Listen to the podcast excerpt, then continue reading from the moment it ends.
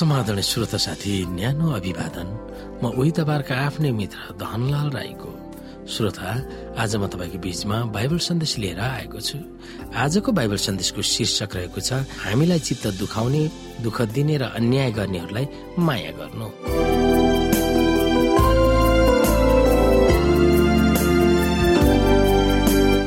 श्रोता साथी कसैको यो कथन छ शत्रुलाई प्रेम गर्नको अर्थ मोती गाडिएको धुलो वा फोहोरलाई हामीले माया गर्नु भनेको होइन। बरु फोहोर र हिलोमा पुरिएर बसेको मोतीलाई हामीले माया गर्ने हो। हामी स्वाभाविकै रूपमा मायालु भएकोले प्रभुले हामीलाई माया गर्नुहुन्न।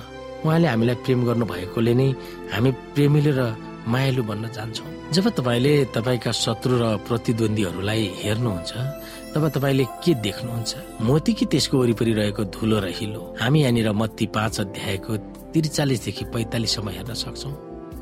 यहाँ यसुले स्वर्गमा हुनुहुने उहाँको पिताको बारेमा हामीले अनुसरण गर्नुपर्ने नीति यसरी प्रस्तुत गर्नुभएको छ। तिनीहरूले यसो भनेको सुनेका छौ तिम्रो छिमेकीलाई प्रेम गर र तिम्रो शत्रुलाई घृणा गर। तर म तिमीहरूलाई भन्दछु आफ्ना शत्रुहरूलाई प्रेम गर।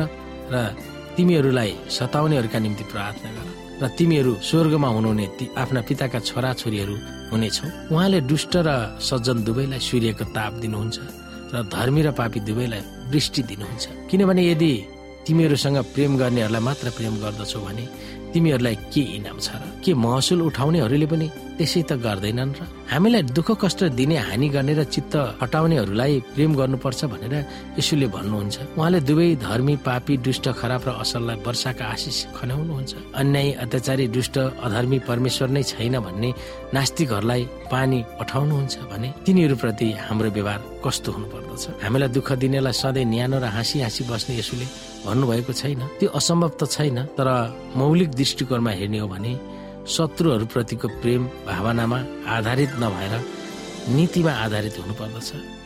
तिनीहरूलाई हामी माया गर्छौँ र तिनीहरूको हितको निम्ति हाम्रो चासो छ भनेर विभिन्न क्रियाकलापहरूद्वारा हामी देखाउँदछौँ। आफ्नो भाइलाई यसोले एउटा नीति प्रस्तुत गर्दै अन्त्य गर्नुहुन्छ।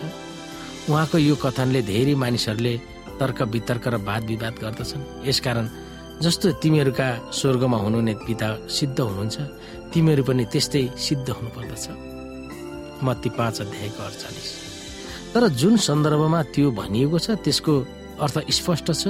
जो मानिसहरूले प्रभु जस्तै सिद्ध हुन चाहनुहुन्छ तिनीहरूले पनि आफ्ना शत्रुहरूलाई सिद्ध प्रेम देखाउनु पर्दछ।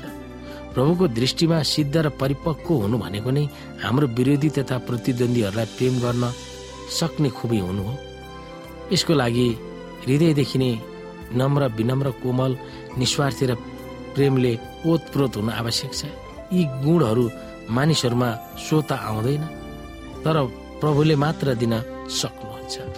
नम्रता वा विनम्र हुनु भनेको सबै खालका चोटपटक वा हृदयमा आघातहरू बिना रिसले धैर्यता साथ सहनशील हुनु हो। यो भन्ने परिभाषा हामीले हेर्यौँ तपाईँमा हुनुपर्ने नम्रताका गुणहरू के के हुन्?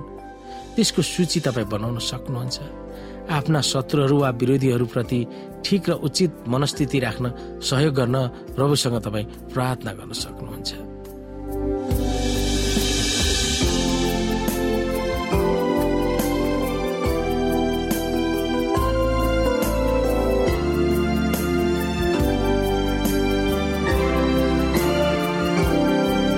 श्रोता साथी आजको लागि बाइबल सन्देश यति नै। हस्त नमस्ते जय मसिंह।